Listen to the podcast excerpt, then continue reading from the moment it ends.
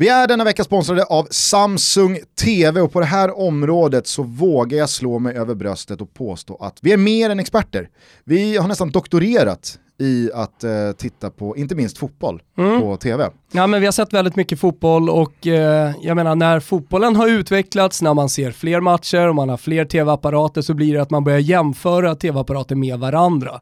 Och eh, ja, var landar vi någonstans då Gusten? Ja, vi landar hos Samsung. Mm. Det jag gillar med Samsung är att de har en TV för alla personer, alla rum och alla behov. Alltså kontoret med kontorets behov, jag har tjejernas rum, jag har min öppna planlösning och sen så har jag Helenas extrema designintresse som jag liksom måste förhålla mig till. Och sen så har jag mina hårda krav på upplevelsen eftersom jag ser så många fotbollsmatcher varje vecka. Och när vi nu pratar om kravställning på en TV och min ständiga önskan att ha det bästa Gusten. Och när jag säger det bästa, då menar jag verkligen det bästa. Ja, då finns det bara en TV för mig. Håll i dig nu. Håll i dig nu! Samsung QLED 8K. Äh, men det här är helt otroligt. 8K upplösning, färger, kontraster, detaljer. Ja, det är verkligen en TV som aldrig förr. Dessutom med en ram som är otroligt tunn och som kan monteras tätt på väggen och endast ha en kabel som leder på ström och data. Alltså det här är en TV som verkligen sticker ut genom att smälta in. Det är den bästa fotbollsupplevelsen jag i alla fall har upplevt. Jag vill också ha en sån. Ja men det är inga problem. Surfa in på samsung.com se lifestyle för att läsa mer och hitta din återförsäljare för att ta del av erbjudandet. Köper du en The Terrace 65 tum eller 75 tum så får man just nu även 50% på The Terrace Soundbar. Erbjudandet gäller från den 26 april till den 23 maj 2021. Vi säger stort tack till Samsung för att ni är med och möjliggör Toto Balotto. Stort tack!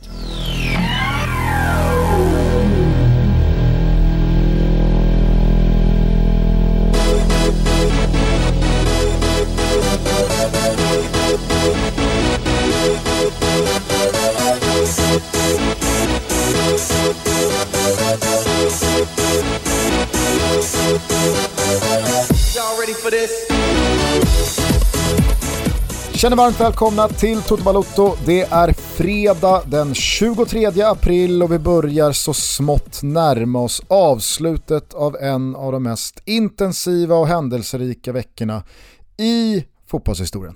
Ja, då pratar vi inte om det som har hänt på planen, för där har det inte varit speciellt intensivt, även om det har varit midweek och eh, en del roliga matcher som vi kommer komma in på. Men, eh, Jag tycker du är lite hård här mot eh, mittwochen. Jo, men... Jävla fina kvällar måste jag säga. Jo, men du satt ju du eh, med trippen på Betsson igår där eh, och, och sen så kom ju skrytet när trippen var klar. Kan du dela med dig om du sitter på några jävla dundertripplar nästa gång? Nej, men jag, att, man, jag, att man ska behöva larma om överspelet i Napoli-Lazio. Nej, det behövde man fan Det trodde alla var med. Den var jag med på. Sen satt man ju på Cagliari 2,90 dagen innan, herregud alltså. Men nu ska vi sitta och skryta om spel som man, eh, som man är nöjd över. Men du vet att den larmade jag innan. Fick du bara 2,90 på Cagliari? Ja, fick du då? Jag har lirat i 3,30. Men det, fattades, det var jag. Det fattades bara det. Nej men är det någonting man ska ta med sig från gårdagskvällen framförallt, förutom då lyckade överspel eftersom det ringde var och varannanstans igår, så tycker jag att eh, Alexander Isaks straffmiss är värd att lyfta. ja, jag förstod att du skulle prata om det, jag såg att du var på den på Twitter igår. Nej men eh, du, har, du har ju definitivt en poäng, alltså det knyter sig i magen när jag läser det du skriver. Ja. Eh, det, det, det, det var ju, ja, nu kan ju han komma tillbaka, den behöver inte vara karriärsdefinierande, men det hade ju varit bra om han satte den. Jag tror så här, hade han satt den igår, ja men då hade han dels eh, verkligen gett Alguacil en tankeställare om ska vi kanske byta från Oyar Sabal, alltså lagkaptenen som har missat tre av sina fyra senaste straffar tror jag, och som är en spelare som gör sina poäng ändå, som inte kommer tror jag i alla fall, förändras jättemycket i, i värdering och en senare försäljning om man nu lämnar eh, klubbikon som man är vad gäller 3, 4, 5 straffmål på en säsong. Men Alexander Isak i den åldern han är, i den rollen han har för Real Sociedads kommande äh, men, eh, kassa och, och, och budgetar och kassaflöde så är jag helt övertygad om att 3, 4, 5 extra ligamål i La Liga kommer göra ganska stor skillnad och det hade ju Alexander Isak kunnat nå ifall han hade varit ordinarie straffskytt. Så dyker då chansen upp igår när Oyarzabal sitter på bänken, Isak slår en dålig straff och 10 minuter senare så får Real Sociedad givetvis en ny straff. Men då står ju matchen och väger, fortsatt 1-1 då mot Celta Vigo och så vidare och Real Sociedad behöver poängen. Så då går det inte att hålla på och tramsa och skicka fram Isak igen då och riska en, en straffmiss till. Utan då kliver ju Janusaj fram och, och eh, borrar in den stensäkert. Real Sociedad upp till 2-1, tre poäng in på kontot och Alexander Isak har hux flux hamnat ah, jag vet inte, två pinnhål ner på den där eh, hierarkin och, och tågordningen vad gäller straffar. Och jag tror ju dessutom att det här är förlängningen, kanske inte konkret så här att Janne ute på Lidingö igår kväll slog fast att nej men Alexander Isak kommer inte ta några straffar, men jag är helt övertygad om att det kommer dröja innan vi ser Alexander Isak i en slags ja, ordinarie match slå en straff för svenska landslaget. Jag såg det här sluta i helvetet Gustav, när du började nämna Janne tänkte jag, nu jävlar kommer han dra sådana enorma växlar på den här straffmissen. Janne kommer inte vilja eh, spela honom och om inte Janne vill spela honom kommer självförtroendet gå åt helvete. Alexander Isak kommer inte vara kvar och ni kommer tillbaka till AIK och allt går åt helvete och Alexander Isaks karriär är slut. Alltså jag såg du var liksom på väg neråt där, men eh, det var det inte. Äh, Alltså det är ju vad det är, han står på 13 ligamål kan jag ju meddela om, han har stått på 14, jag jobbar ju 15. Det finns ju några sådana där nivåer eh, som man eh, vill nå som målskytt. Alltså Hade 10... han inte stått på 15 igår då? Uh, jag, tror, jag tror han att, eh, enligt Flashscore har han 13 i alla fall. Ja, ja, jag menar bara att hade han satt första, då hade han ju slagit andra också 10 minuter senare. Ja, uh, men då hade andra kanske inte blivit av, förstår du? En händelse leder till en annan händelse, det blir en jo, annan match, visst, det blir en annan situation.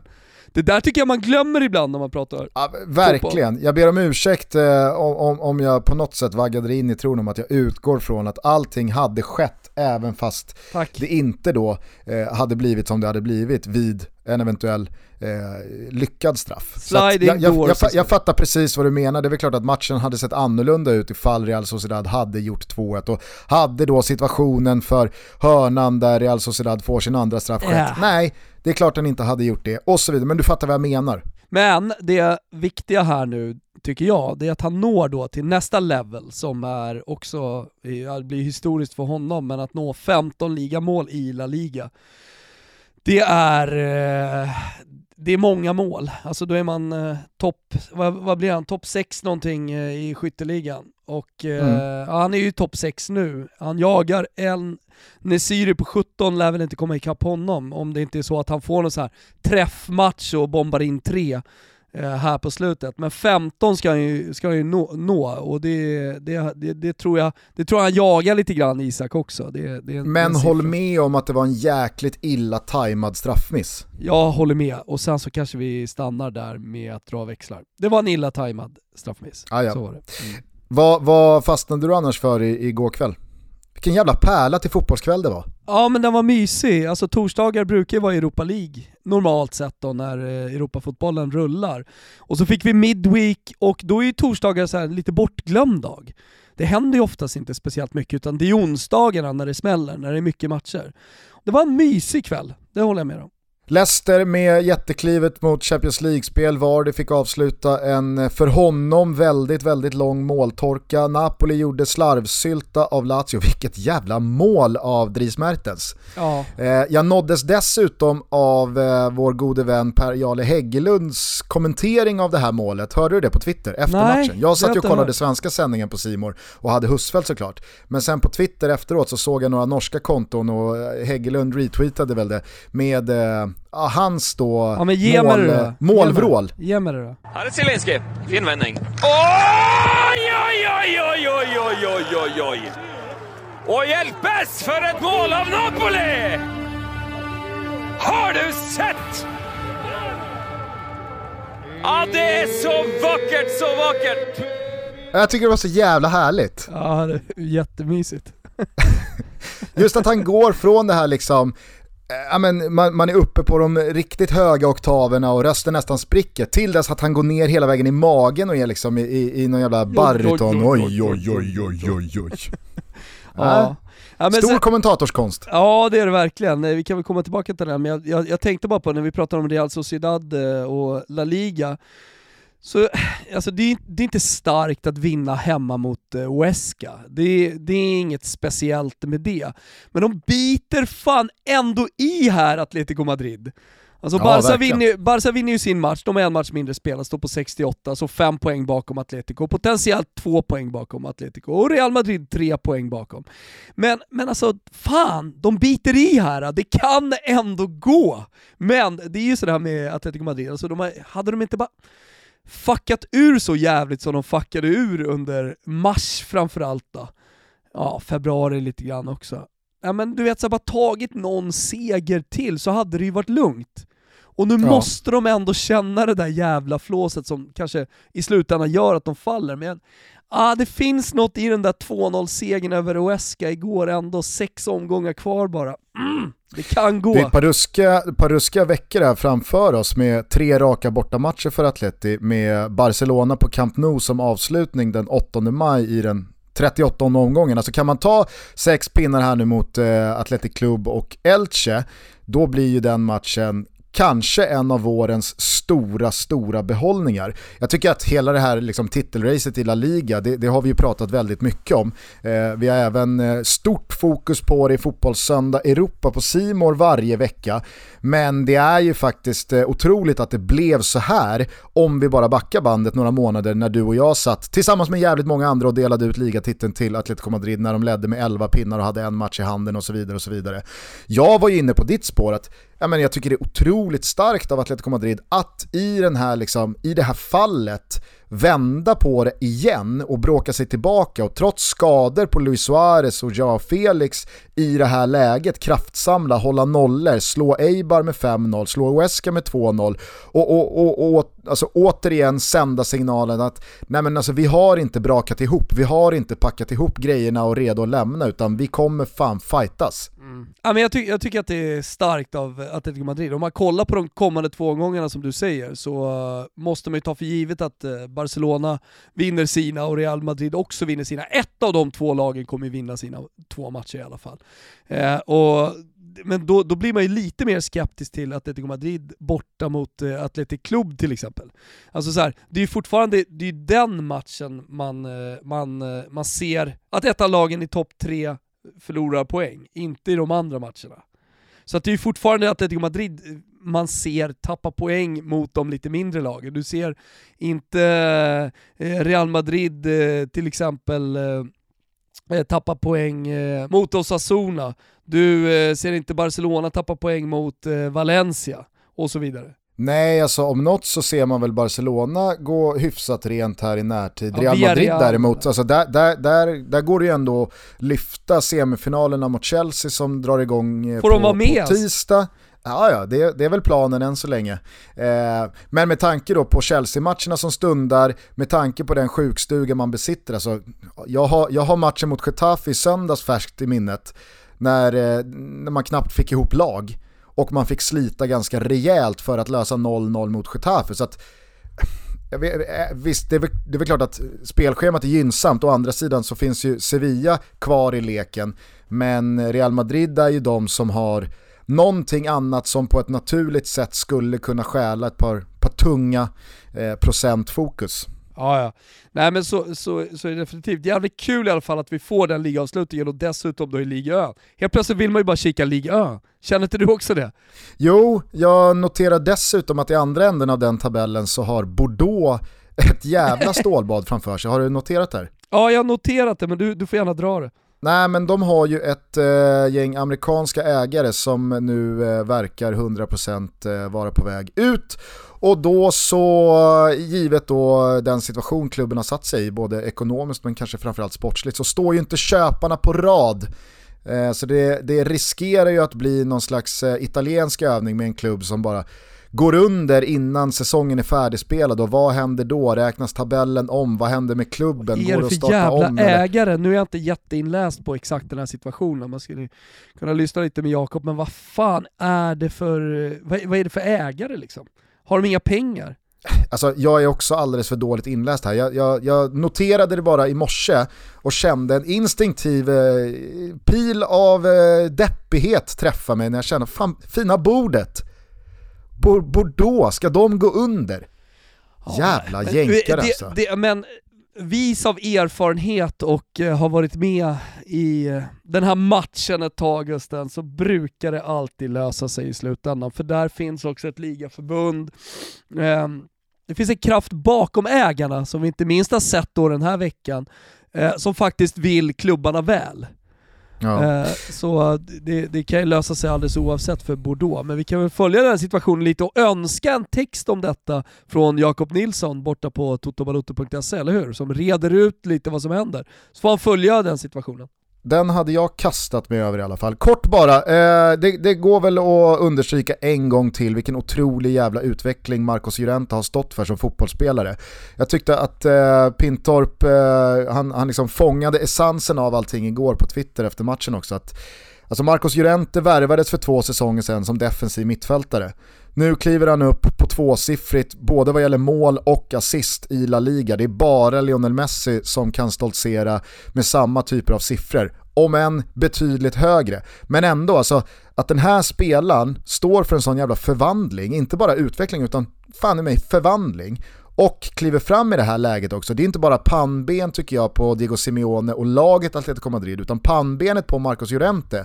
Att han och Angel Correa kliver fram när de två stora fixstjärnorna offensivt är skadade och inte kan vara med ute på plan. Att då veta att okej, okay, nu, är det jag, nu är det jag som ska göra det, nu är det vi som måste kliva fram här. Att då göra det i den ja, men, nya rollen, i den nya verklighet av ansvar och eh, hög profil som han har skaffat sig. Jag är mäkta imponerad av Marcos Llorente alltså. Och det är ju sådana tillfällen där man verkligen, eh, på tal om att vara karriärsdefinierande i sina prestationer, det är ju sådana här tillfällen när det är skador på de egentliga nyckelspelarna, de man förväntar sig ska avgöra matcherna i en, i en titelstrid.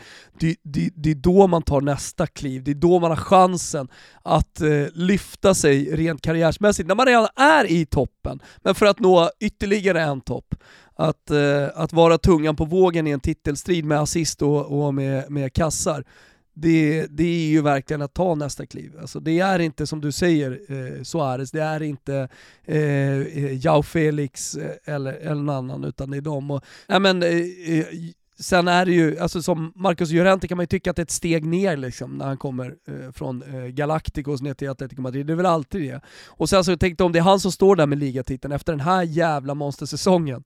Mm. Med, jag vet inte hur många assist han har gjort men, men ändå liksom har stängt in över 10 baljer och sådär. Det, det, det, det är nog, eh, det, det skulle nog kännas ganska skönt för honom om det, om det är Real Madrid som kommer tvåa dessutom. Verkligen. Eh, vi fortsätter följa eh, Marcos Llorentes framfart, 11 plus 10 står han på nu i ligaspelet. Kort bara om matchen Barcelona mot Getafe, jag vet inte hur mycket du hann se av den. Jag misstänker att du hade mycket fokus på Stadio Diego Armando Maradona.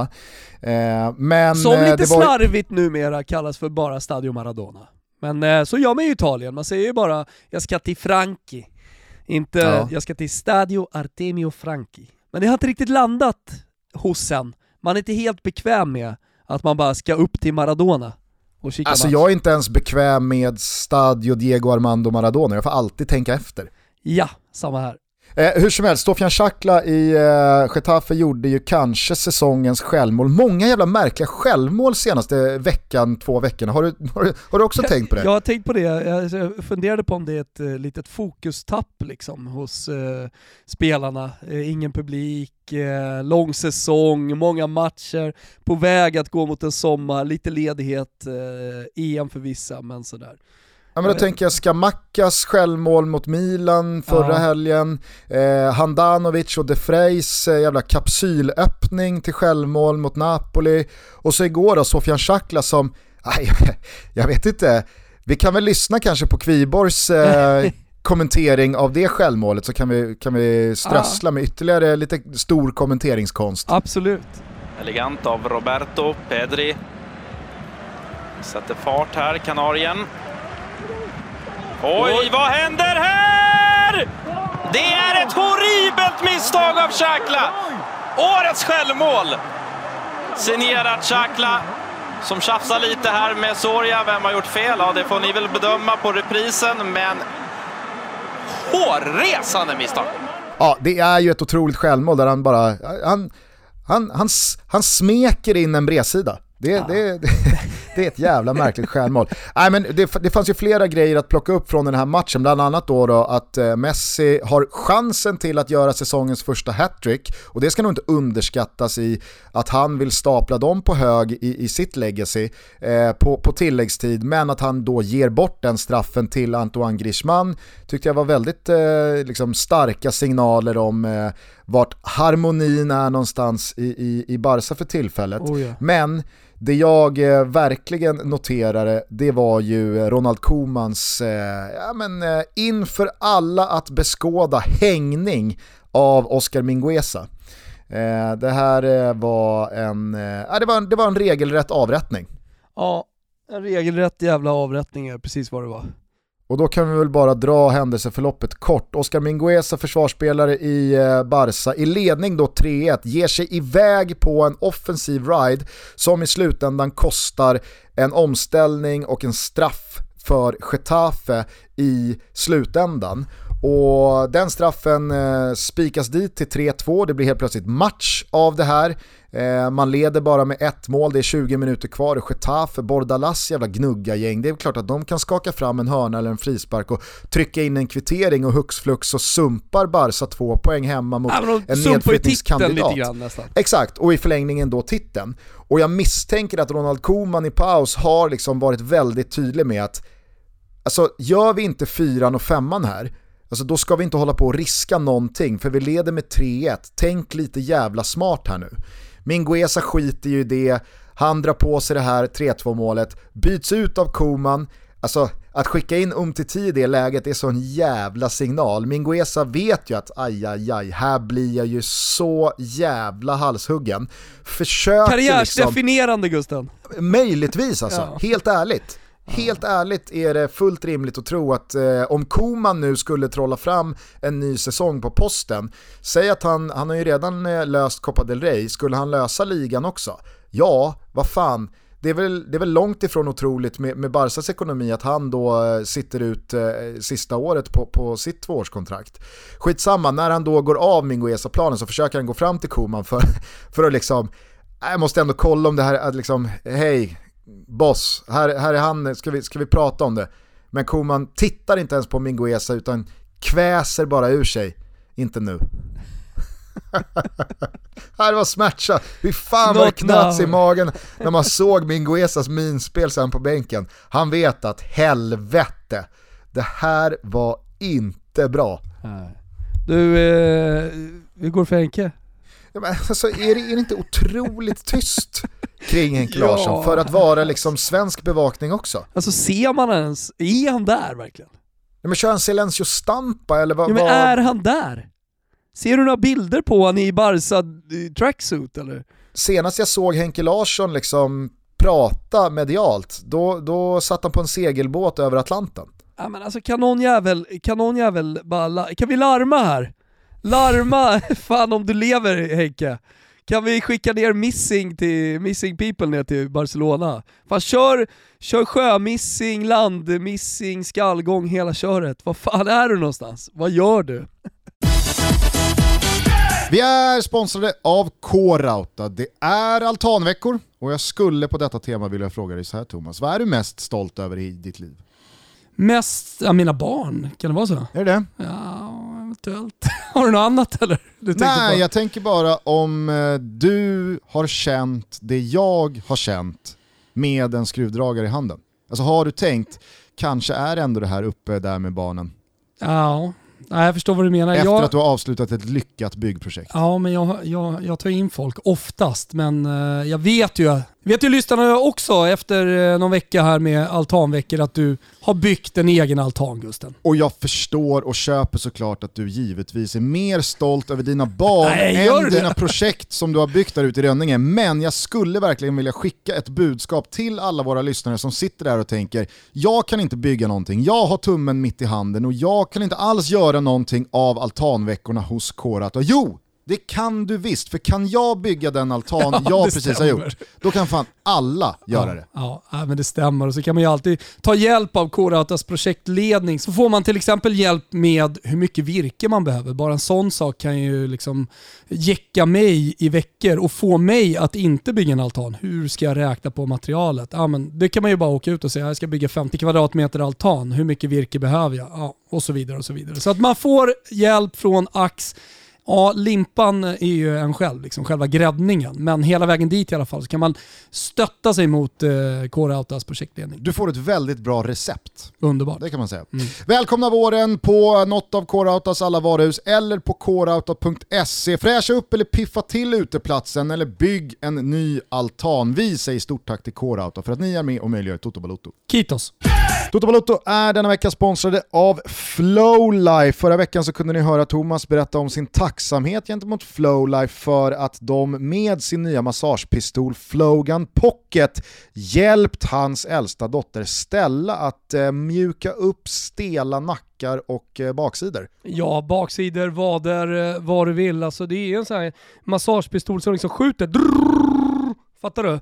Och så har den tre olika lägen. Och jag kan säga när du drar på det, det, det, värsta läget, då är det bra fart på den. Och det hjälper verkligen. Och sen är den så liten och smidig, inte större än en smartphone. Så du kan liksom med den överallt. Så jag har alltid med den till exempel när jag är med mina fotbollstjejer. Så har jag den i, i väskan, tar liksom ingen plats och den väger ingenting. Och ja, men den hjälper verkligen. Man ska inte låta sig luras av dess eh, petitstorlek. Nej, utan det här är en riktigt kraftfull och kompakt historia.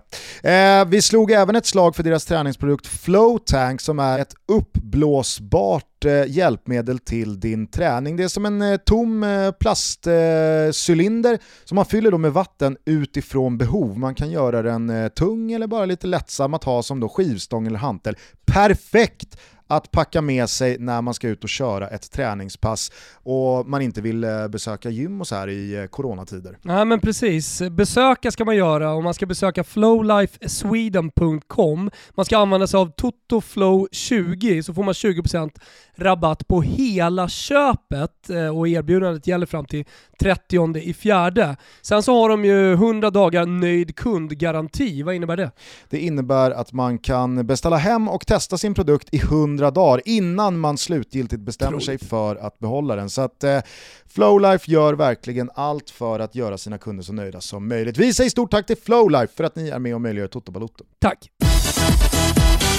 Vi kanske inte behöver nämna så jävla mycket om eh, mittwochen från i onsdags. Eh, det var ju återigen ett eh, poängtapp för Inter som jag tycker andas liksom. Vi vet att titeln är klar, nu är det bara en, en formalitetssak. Ja men du vet hur det är med formalitetssaker också, alltså, så fan, lös det! är du med? Ja, men ja, ja visst. Alltså det, det, det, kan bli sex poäng och sen så är det något direktmöte så är det tre poäng och sen eh, blir det darr på grejerna. Och fan, inte har darrat tidigare den här säsongen. Så är det absolut, men nu är ju eh, marginalen ner till Milan och Juventus och övriga lag så pass stor att Alltså, det, det kommer det givetvis, eh, det kommer givetvis inte ramlas här och jag menar om något så behöver ju också Milan och Juventus gå rent. Jag vet fan riktigt om jag ser det hända.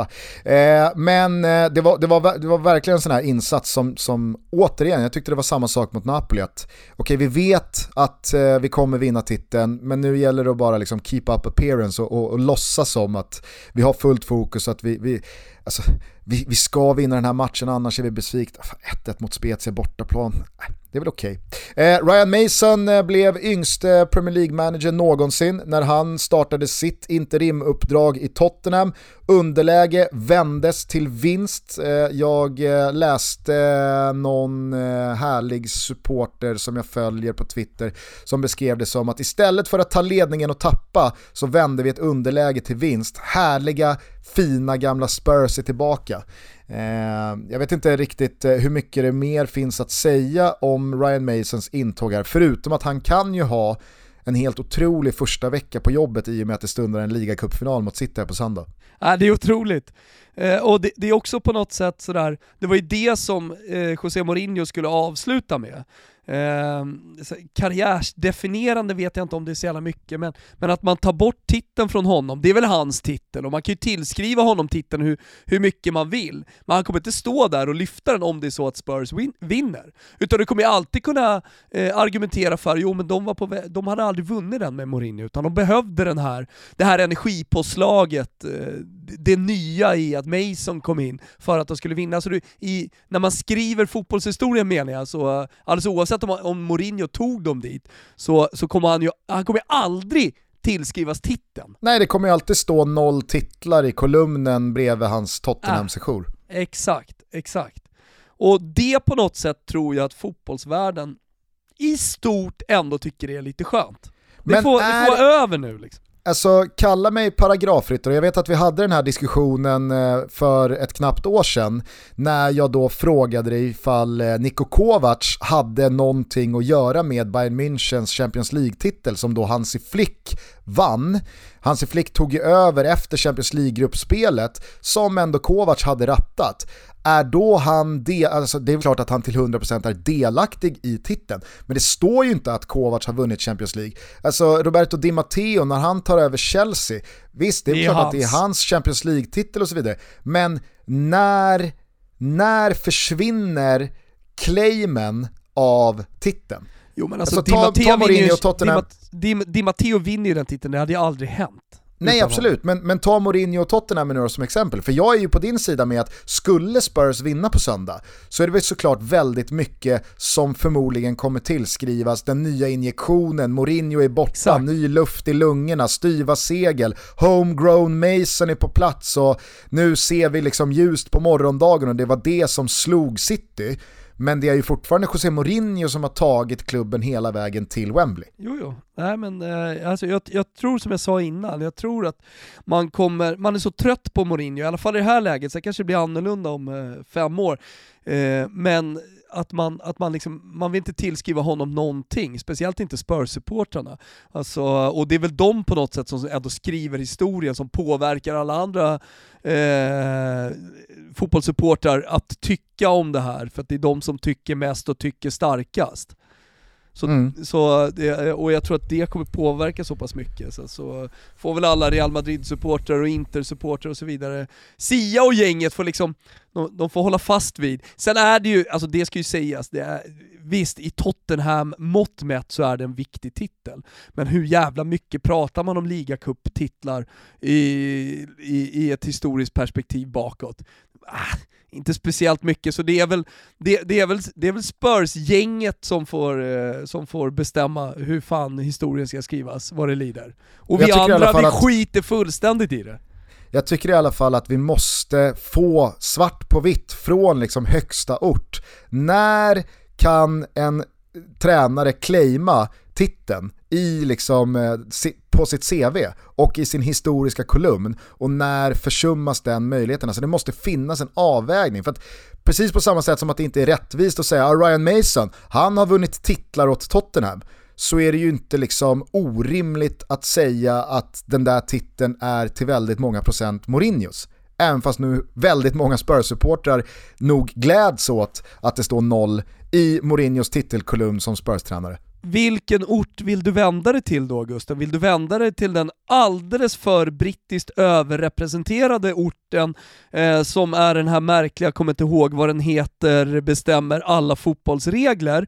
Eller är det Uefa, är det Fifa, eller rent av är det ECA, ligaorganisationen eh, som Agnelli hoppade av.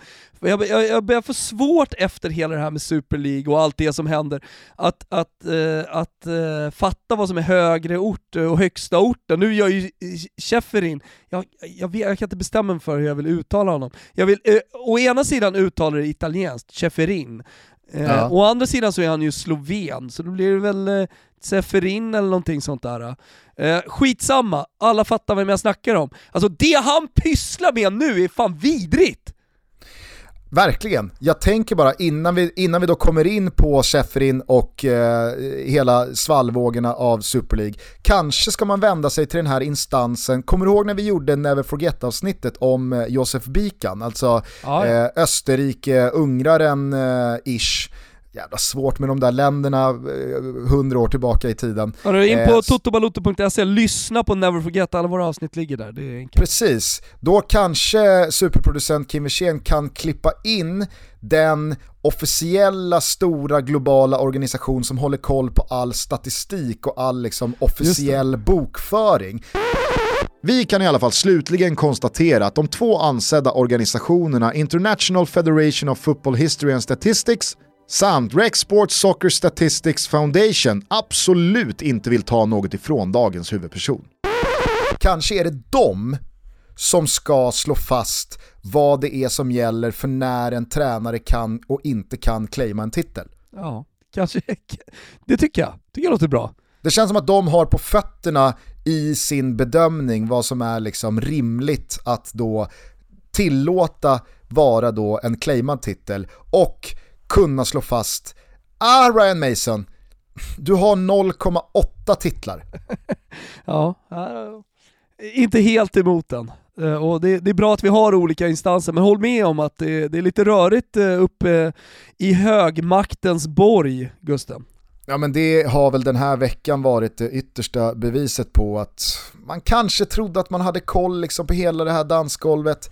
Men det är ju bara, det, det är bara liksom åka med, sitta och summera allting på kvällarna, läsa ikapp återigen på månaderna och försöka förstå hur denna fotbollsvärld och hur denna fotbollskontinent är uppbyggd, hur maktstrukturen ser ut, vad som är på riktigt, vad som bara är spel för galleriet, vad som är real news, vad som är fake news, vem som kliar vems rygg, vem som nu har bränt vems bro. Ah, det är sån jävla soppa det här att försöka hänga med i. Du väljer att börja med Sheffrin, varför? Berätta. Nej men jag har bara eh, sett honom uttala sig och sett honom ta en ännu starkare maktposition och dessutom rida ut som en jävla vit riddare här för fotbollen och att Uefa minsann ska försvara det goda i fotbollen. Den korrupta jävla pissorganisationen som när Lennart Johansson la av eh, ja, men, eh, gick tillbaka till att vara überkorrupt. Alltså Lennart Johansson Hans minne i fotbollshistorien ska fan aldrig glömmas bort och eh, vilken jävla kraft han var mot korruptionen. På den absoluta toppen, alltså alla möjligheter han har, han har haft att tjäna lite pengar, ändå så åkte han ut till sitt lilla landställe i skärgården och tog en kopp eh, slät kaffe och, och fikade med grannarna. Alltså fan vad jag gillar Lennart Johansson. Ibland är det det här svenska, jordnära, ibland är det fan det bästa som kan hända världen.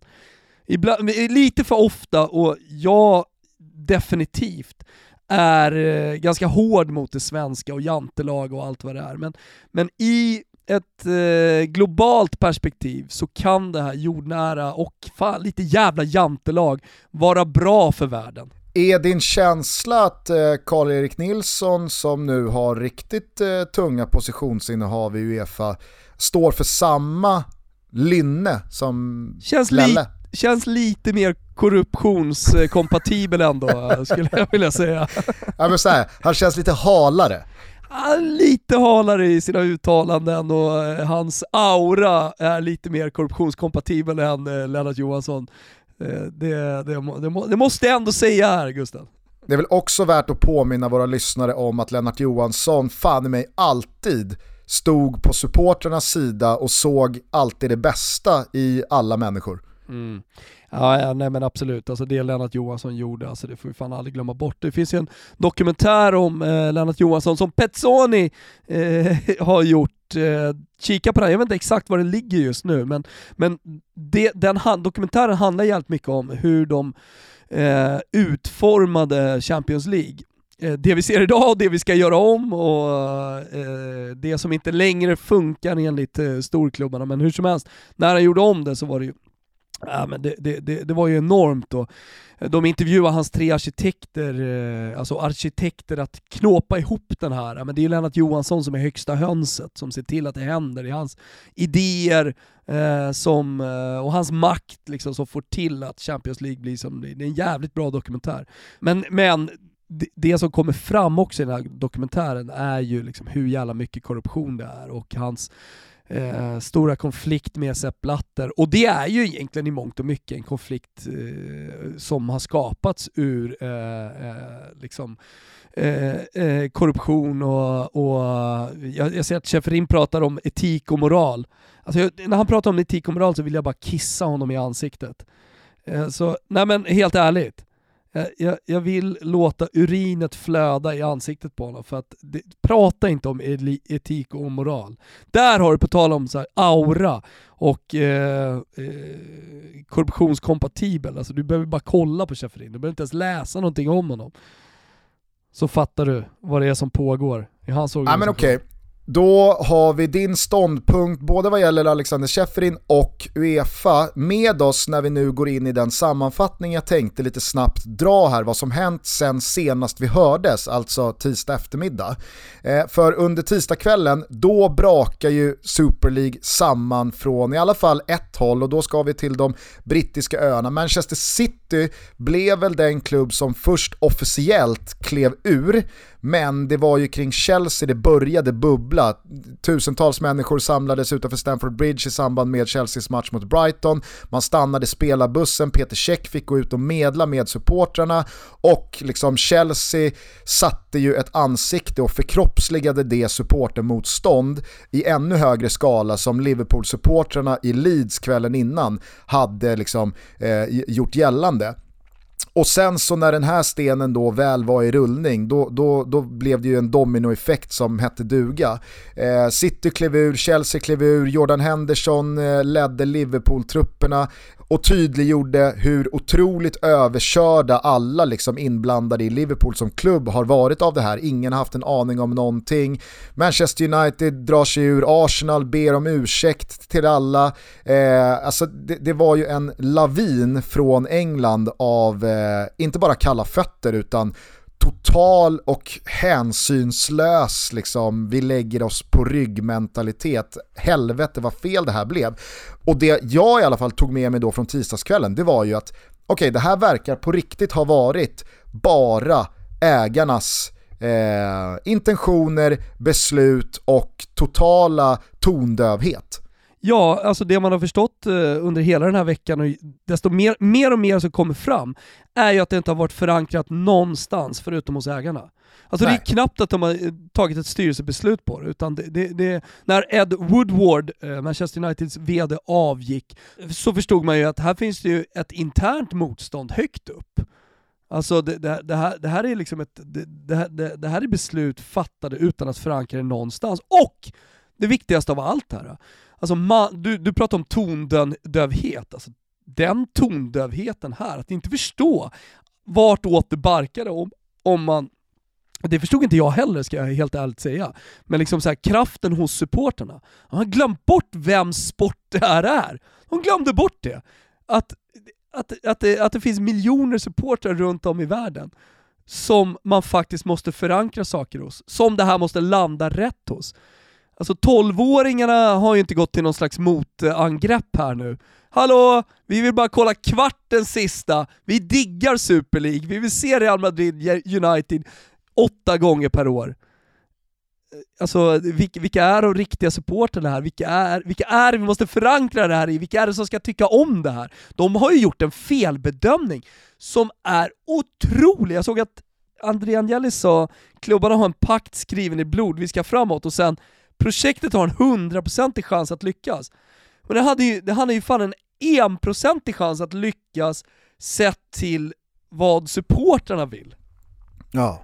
Nej, men det, alltså det inte ens det, otroligt. de har en promillechans att lyckas.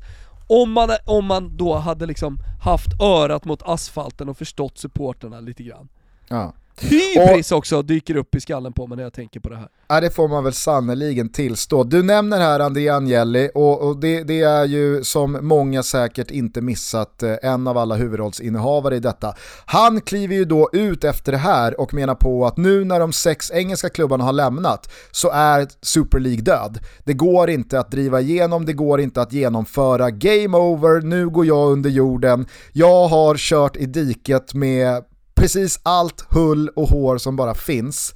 Eh, det, är, eh, det, det, det, är en sällan skådad vecka Andrea Agnelli gör. Och då ska man alltså komma ihåg, om inte jag är felinformerad här, att Andrea Agnelli är alltså gudfar till Alexander Schäferins barn. Ja, exakt.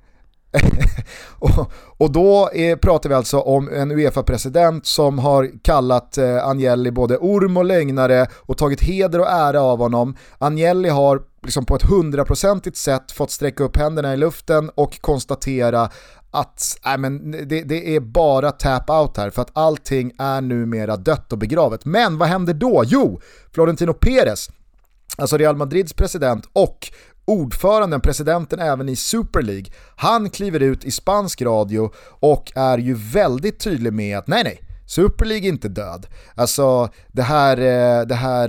Eh, stand by bara det här letter of intent som alla har skrivit under, det är bindande.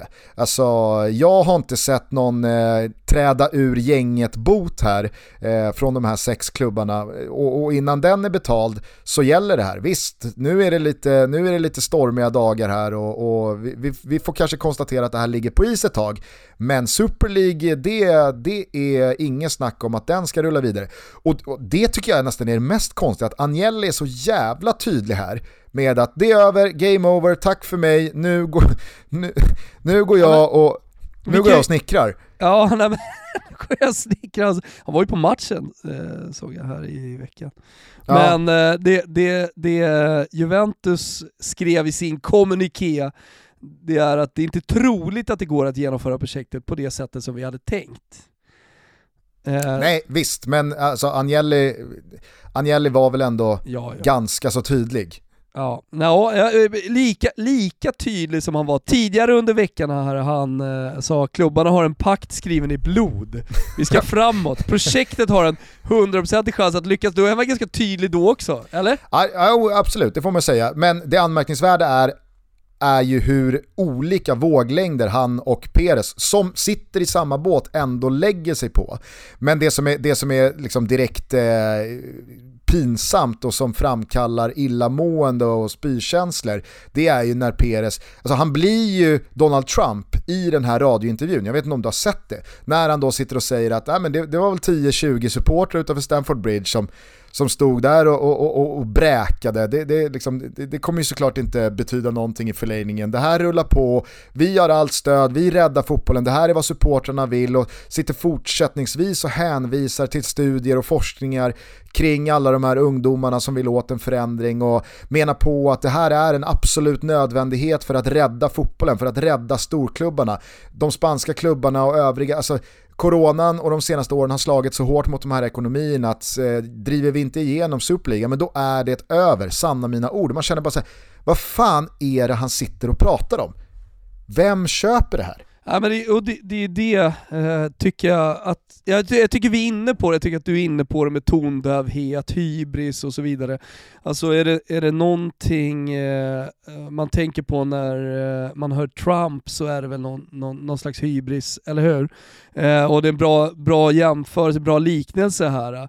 Att eh, alltså, de, de är så ivägsvävade. Alltså, de, eh, Peres kommer ju kriga för det här i, så, så länge han kan, så länge han lever känns det som. Han kommer liksom inte backa, och även om han kommer bli tvungen att backa för att han inte får någon med sig, så känns det som att ja, men det, det är för mycket prestige i det här, så han måste, han måste kriga vidare. Och han kommer inte bara släppa det. Men sättet han pratar på, som du säger också, fan är det här?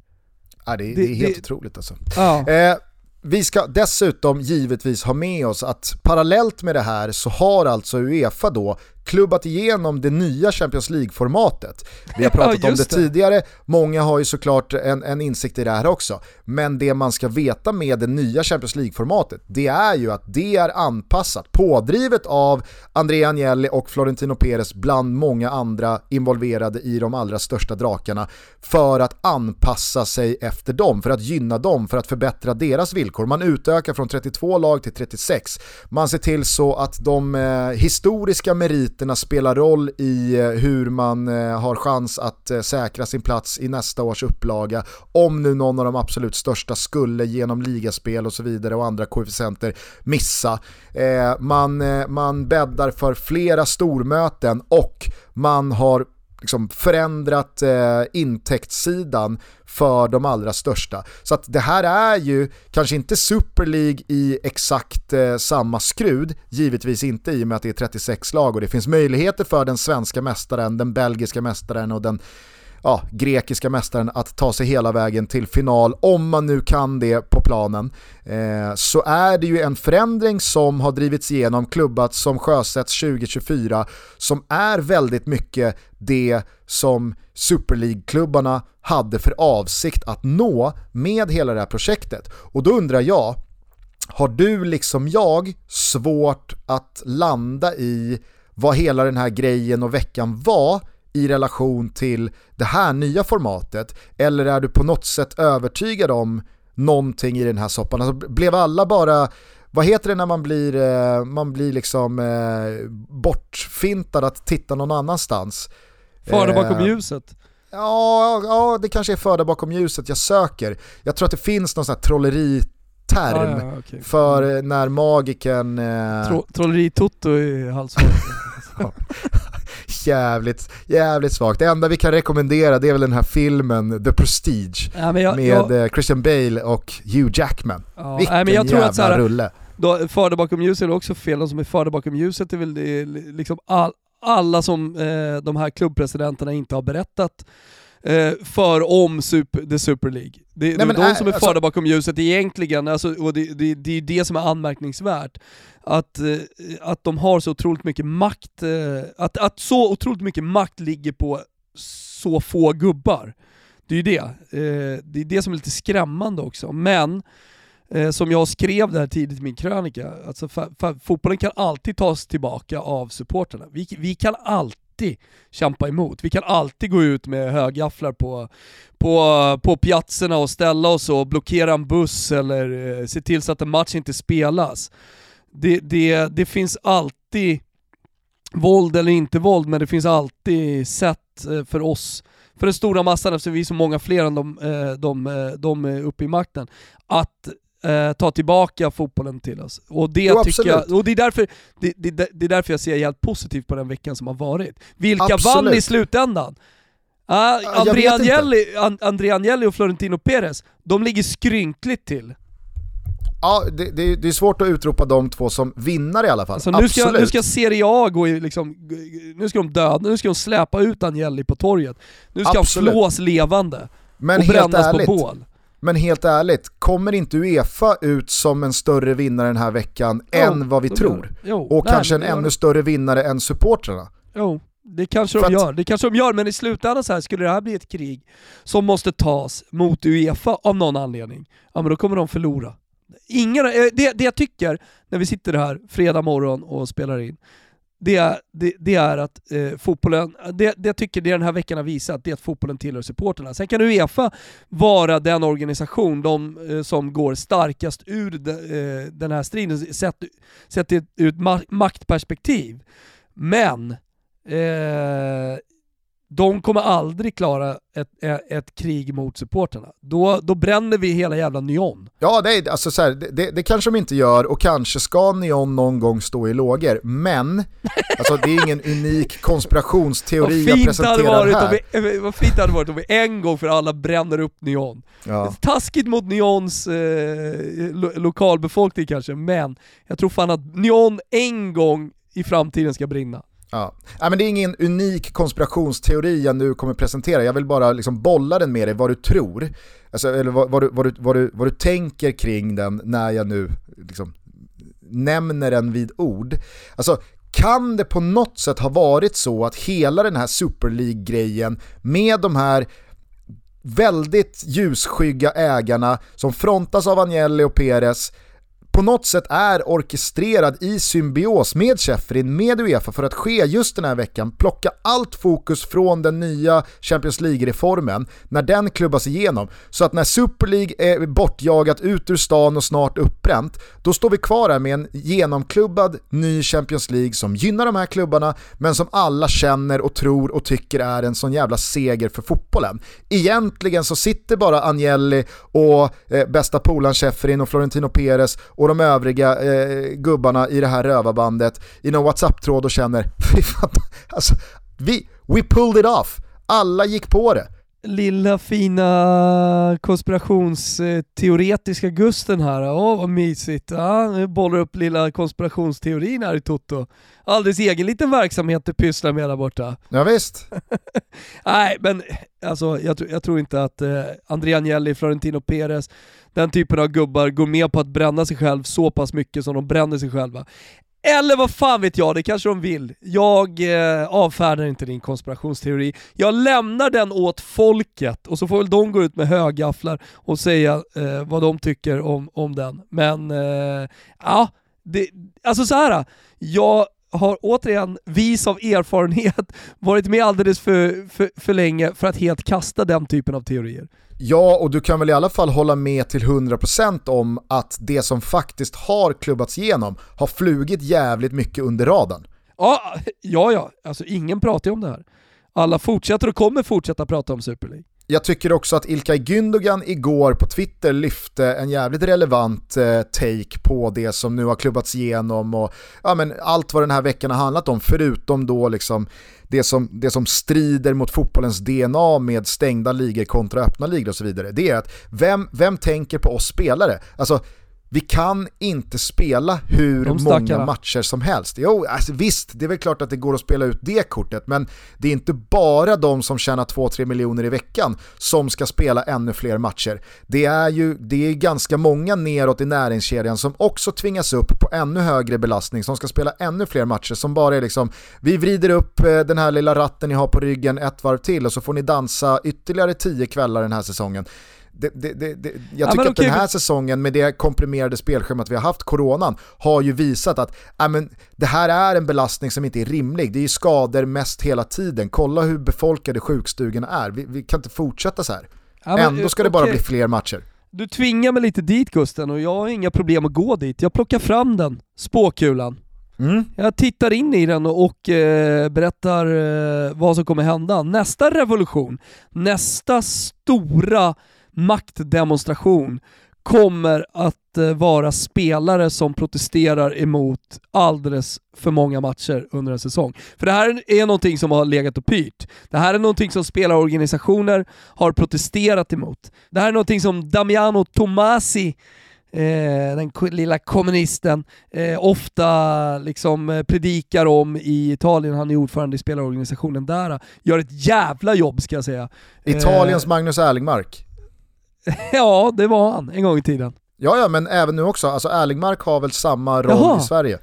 Jo, men var det inte lite det på planen också? Ja, absolut. Fan vad lika de är varandra. Damiano, Tomas och, och, och Erlingmark. Erlingmark och Tomas i en kommunistisk rumba. Ja, någonstans nere i Varese.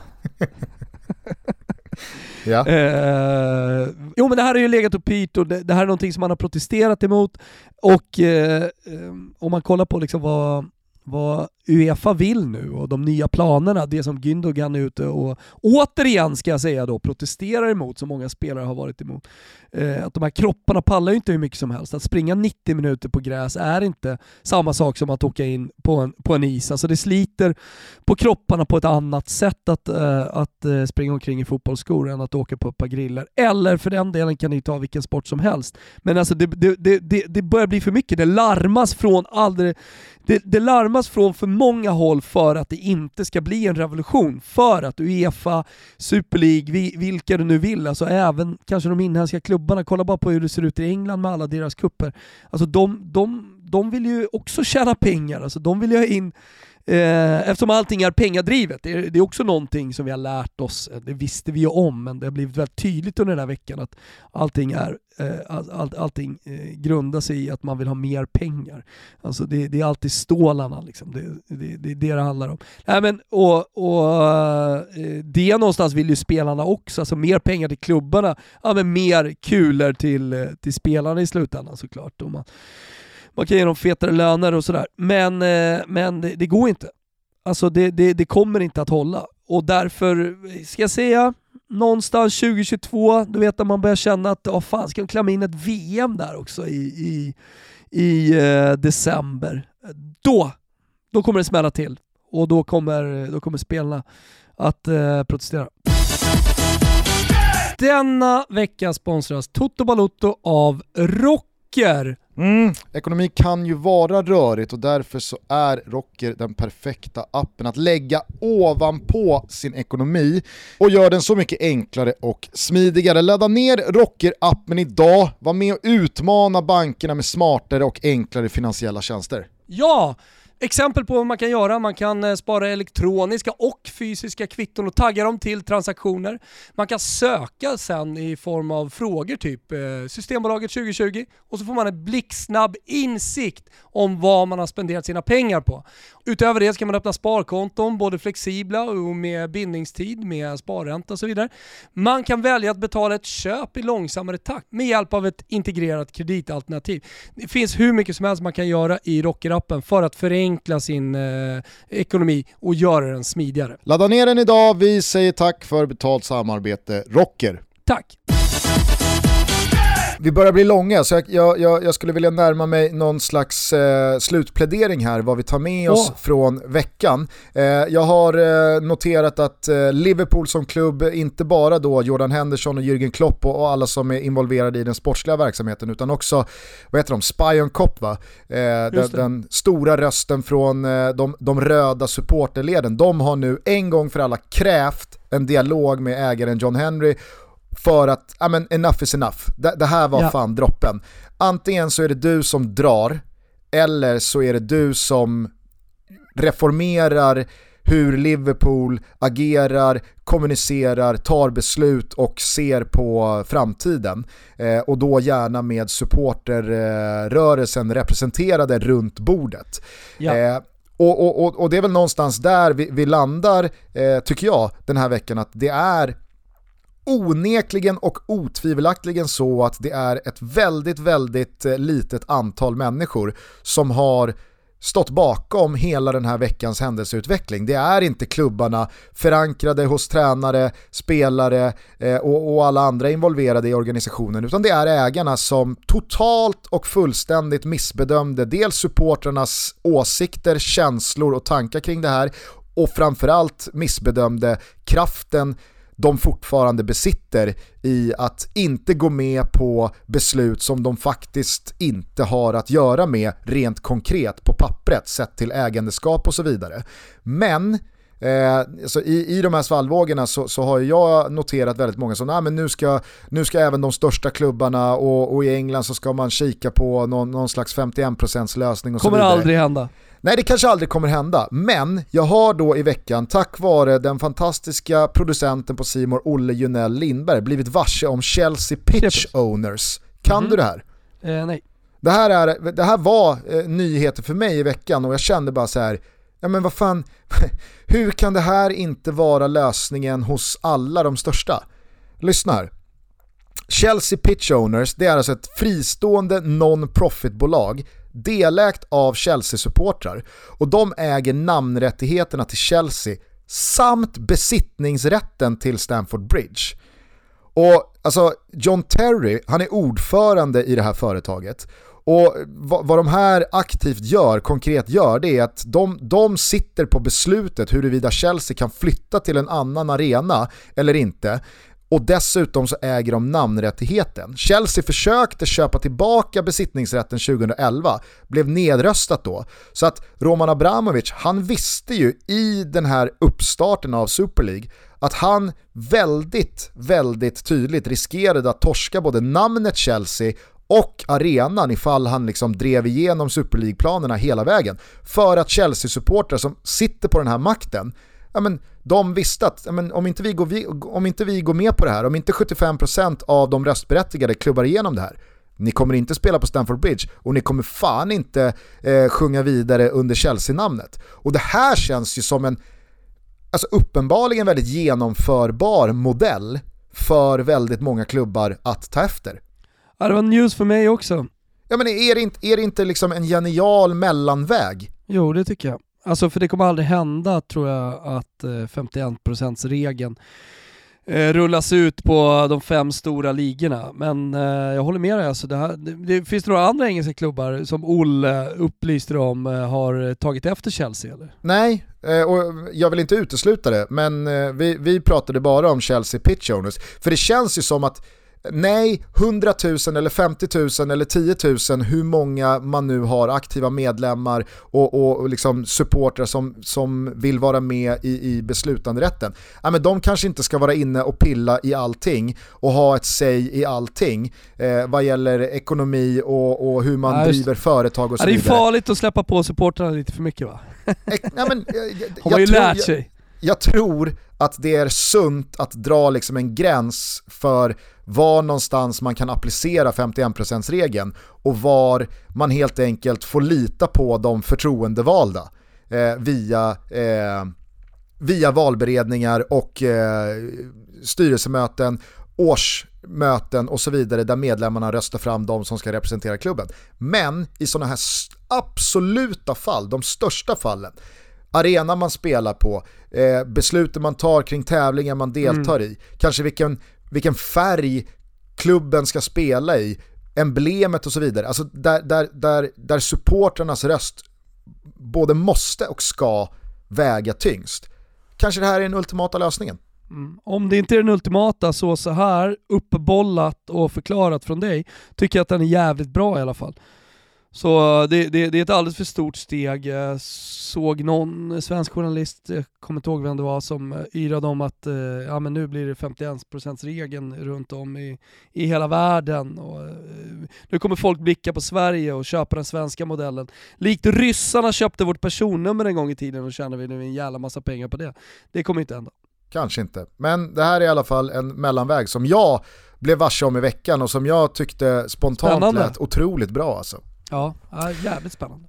Vi ser vart eh, hela Super League-schabraket eh, eh, tar vägen någonstans. Det är givetvis inte färdigt här, det finns både svallvågor och ringar på vattnet och fler utspel från de tunga drakarna att göra. Så att det är bara att hänga med oss igen när Toto Balutto rullar vidare på måndag. Men yes. innan vi gör helg Thomas, yes.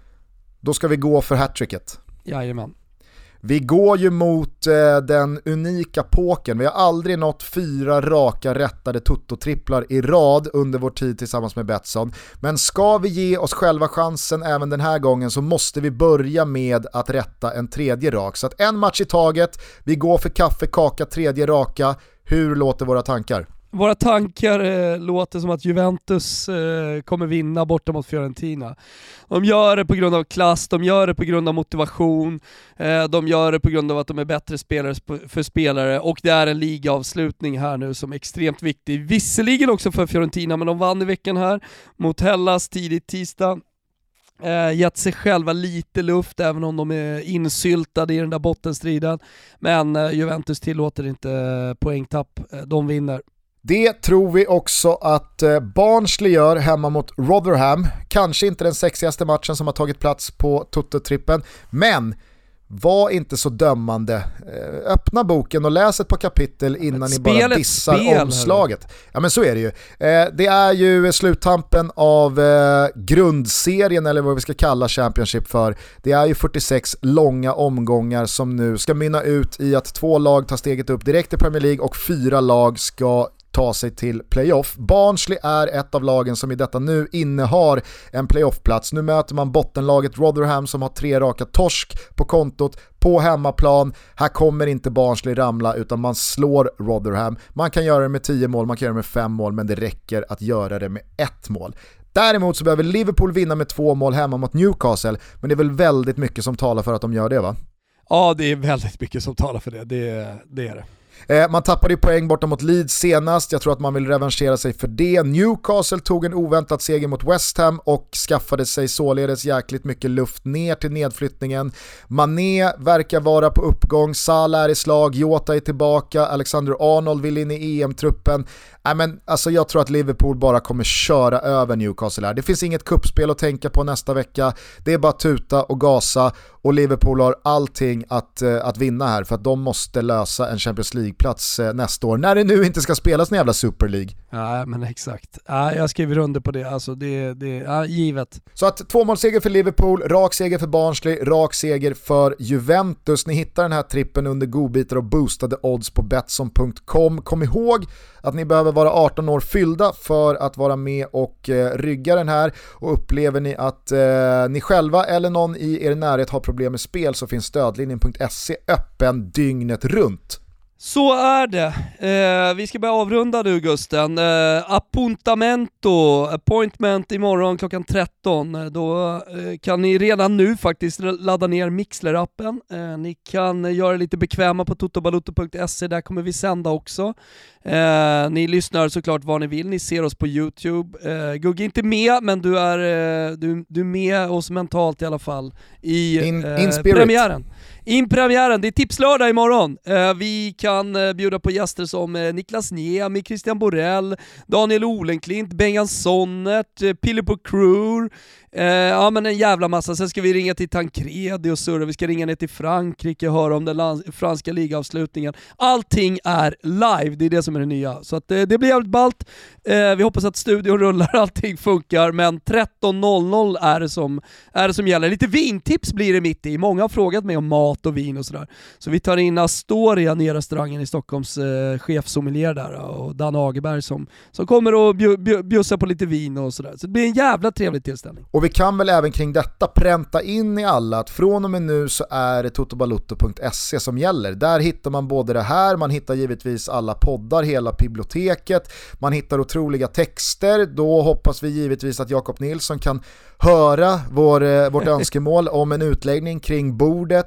Alltså, är man bara på totobalutto.se, då missar man inget. Man missar ingenting, signa upp på nyhetsbrevet, det är helt gratis. Eh, då, då, då får man eh, allting på mailen och det kan ju vara ganska bra.